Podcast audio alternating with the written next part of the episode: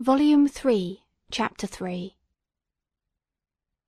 I sat one evening in my laboratory; the sun had set, and the moon was just rising from the sea.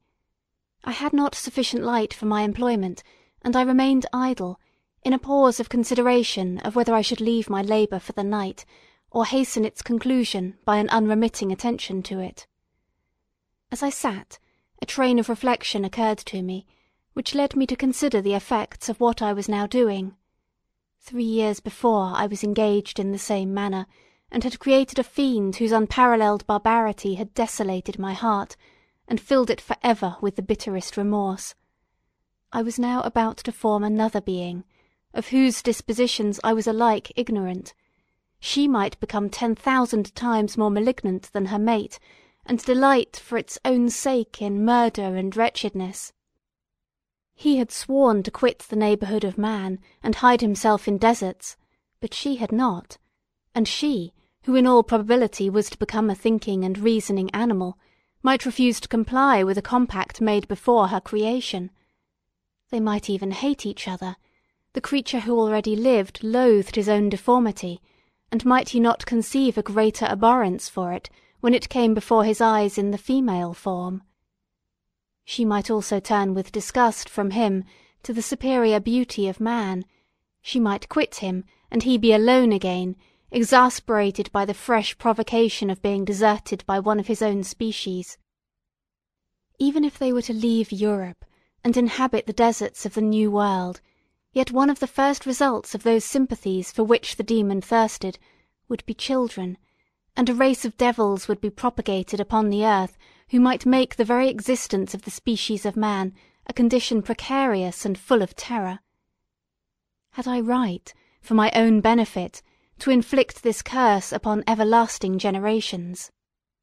I had before been moved by the sophisms of the being I had created, I had been struck senseless by his fiendish threats, but now, for the first time, the wickedness of my promise burst upon me, I shuddered to think that future ages might curse me as their pest, whose selfishness had not hesitated to buy its own peace, at the price, perhaps, of the existence of the whole human race.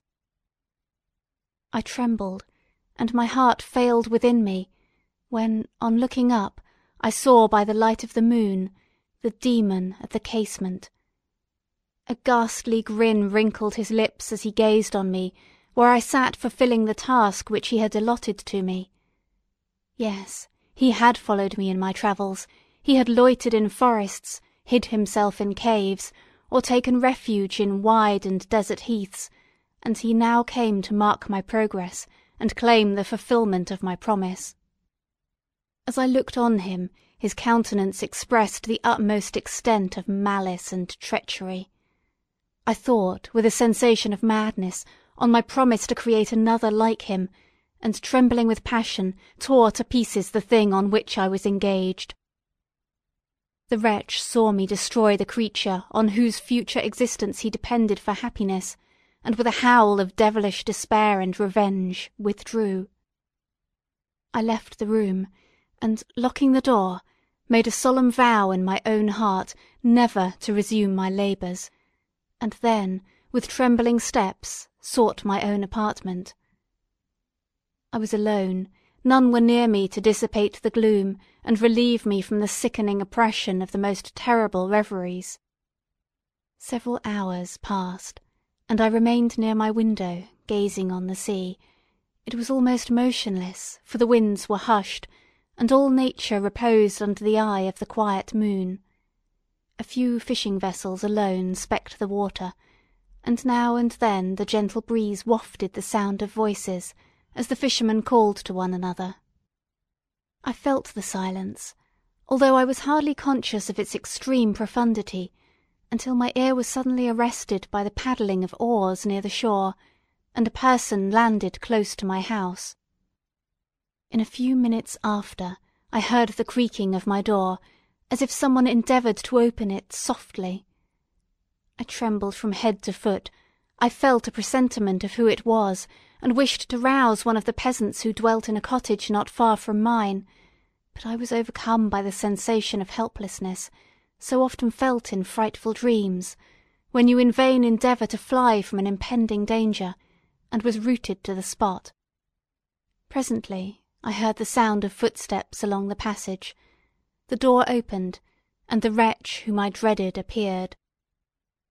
Shutting the door, he approached me, and said in a smothered voice, You have destroyed the work which you began. What is it that you intend? Do you dare to break your promise? I have endured toil and misery. I left Switzerland with you. I crept along the shores of the Rhine, among its willow islands, and over the summits of its hills. I have dwelt many months in the heaths of England, and among the deserts of Scotland. I have endured incalculable fatigue, and cold, and hunger. Do you dare destroy my hopes? Begone! I do break my promise. Never will I create another like yourself, equal in deformity and wickedness. Slave, I before reasoned with you, but you have proved yourself unworthy of my condescension. Remember that I have power. You believe yourself miserable, but I can make you so wretched that the light of day will be hateful to you. You are my creator, but I am your master. Obey. The hour of my weakness is past, and the period of your power is arrived. Your threats cannot move me to do an act of wickedness, but they confirm me in a determination of not creating you a companion in vice. Shall I, in cool blood, set loose upon the earth a demon whose delight is in death and wretchedness? Begone, I am firm, and your words will only exasperate my rage. The monster saw my determination in my face, and gnashed his teeth in the impotence of anger. Shall each man, cried he, find a wife for his bosom, and each beast have his mate, and I be alone? I had feelings of affection, and they were requited by detestation and scorn. Man, you may hate, but beware, your hours will pass in dread and misery, and soon the bolt will fall which must ravish from you your happiness for ever. Are you to be happy while I grovel in the intensity of my wretchedness? You can blast my other passions, but revenge remains, revenge henceforth dearer than light or food. I may die, but first you, my tyrant and tormentor, shall curse the sun that gazes on your misery. Beware, for I am fearless, and therefore powerful. I will watch with the wiliness of a snake, that I may sting with its venom. Man, you shall repent of the injuries you inflict. Devil, cease, and do not poison the air with these sounds of malice. I have declared my resolution to you, and I am no coward to bend beneath words. Leave me, I am inexorable. It is well. I go, but remember, I shall be with you on your wedding night. I started forward and exclaimed, Villain! Before you sign my death warrant, be sure that you are yourself safe. I would have seized him, but he eluded me, and quitted the house with precipitation. In a few moments I saw him in his boat, which shot across the waters with an arrowy swiftness, and was soon lost amidst the waves. All was again silent, but his words rung in my ears. I burned with rage to pursue the murderer of my peace and precipitate him into the ocean. I walked up and down my room, hastily and perturbed, while my imagination conjured up a thousand images to torment and sting me. Why had I not followed him and closed with him in mortal strife? But I had suffered him to depart, and he had directed his course towards the mainland.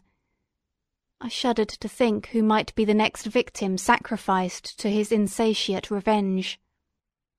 And then I thought again of his words, I will be with you on your wedding night.